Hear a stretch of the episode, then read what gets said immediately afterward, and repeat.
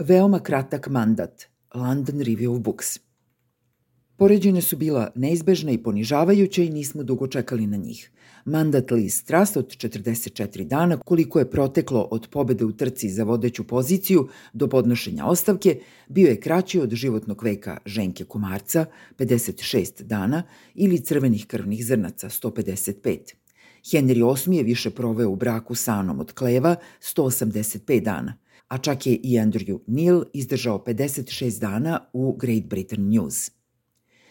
Najbolnije poređenje između 53 dana provedenih u borbi za osvajanje mesta premijerke i broja dana koje je provela na toj funkciji.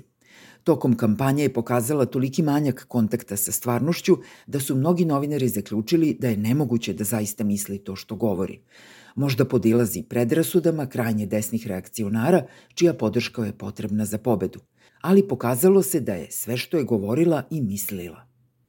Zapanjujuća je pomisao da Iko može da poveruje u ostvarenje takvog plana.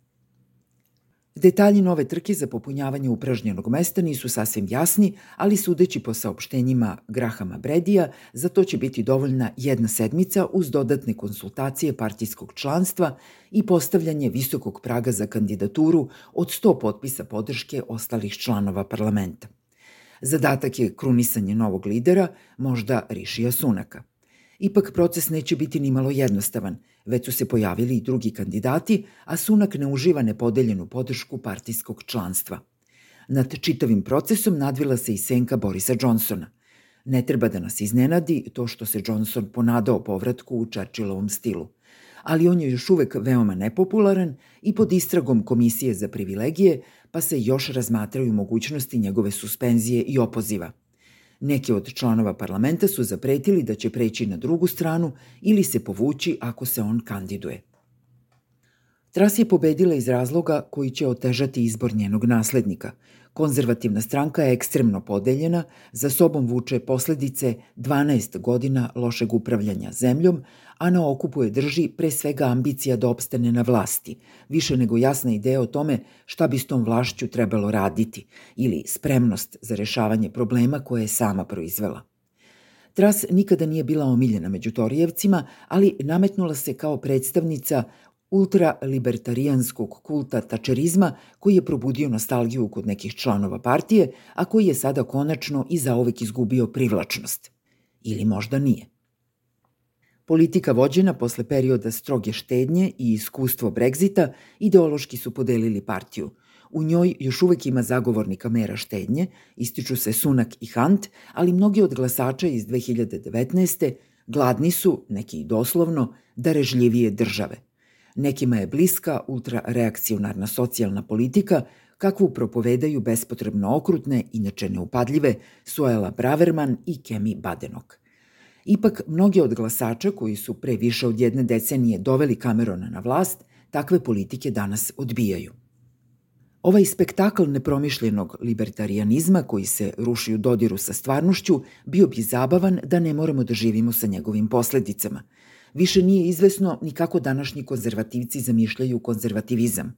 Koje aspekte stvarno postojećeg britanskog društva, umesto erzac viktorijanskih fantazija, žele da sačuvaju?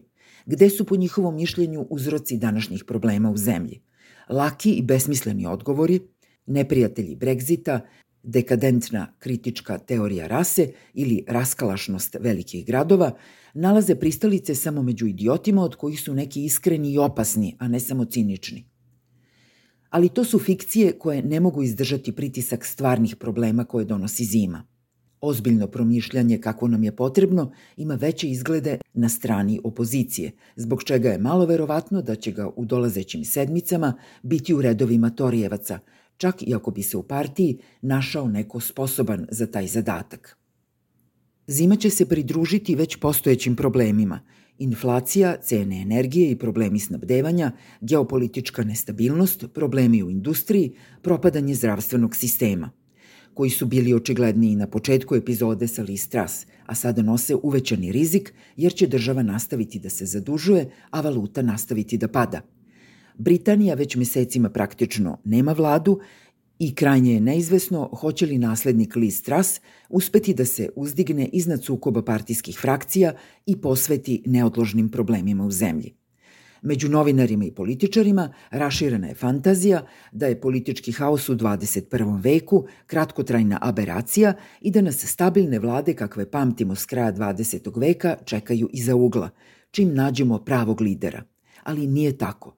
U doglednoj budućnosti očekuje nas niz preklapajućih kriza takvih razmera da će za njihovo rešavanje biti potrebni ljudi nadprosečne imaginacije i sposobnosti.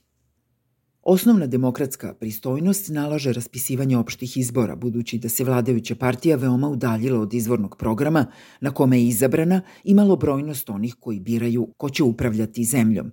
Ali pristojnost, moral i dostojanstvo ovde nisu od značaja. Torijevski premijer koji bi predložio raspuštanje vlade žrtvovao bi veliki deo sobstvene partije u parlamentu i svoj liderski položaj. Koliko god to trenutno bilo poželjno, malo je verovatno. Ni govor Kira Starmera, koji je ostao u senci spirale smrti konzervativne stranke, ne uliva nadu. Obećao je povlačenje zakona o sindikatima iz 2016. jednog od najrestriktivnijih u Evropi, kako se hvalio Tony Blair, i naglasio da će haos u ekonomiji biti veliki teret za buduću laborističku vladu. Neće biti lako, morat ćemo da nastupimo kao partija zdravog novca – Starmer će verovatno pobediti na sledećim izborima sa najvećom razlikom u korist laburista od Blairovog dolaska na vlast 1997. Ta većina se ne bi smela prokockati u napred, jer su naši problemi zaista epohalni.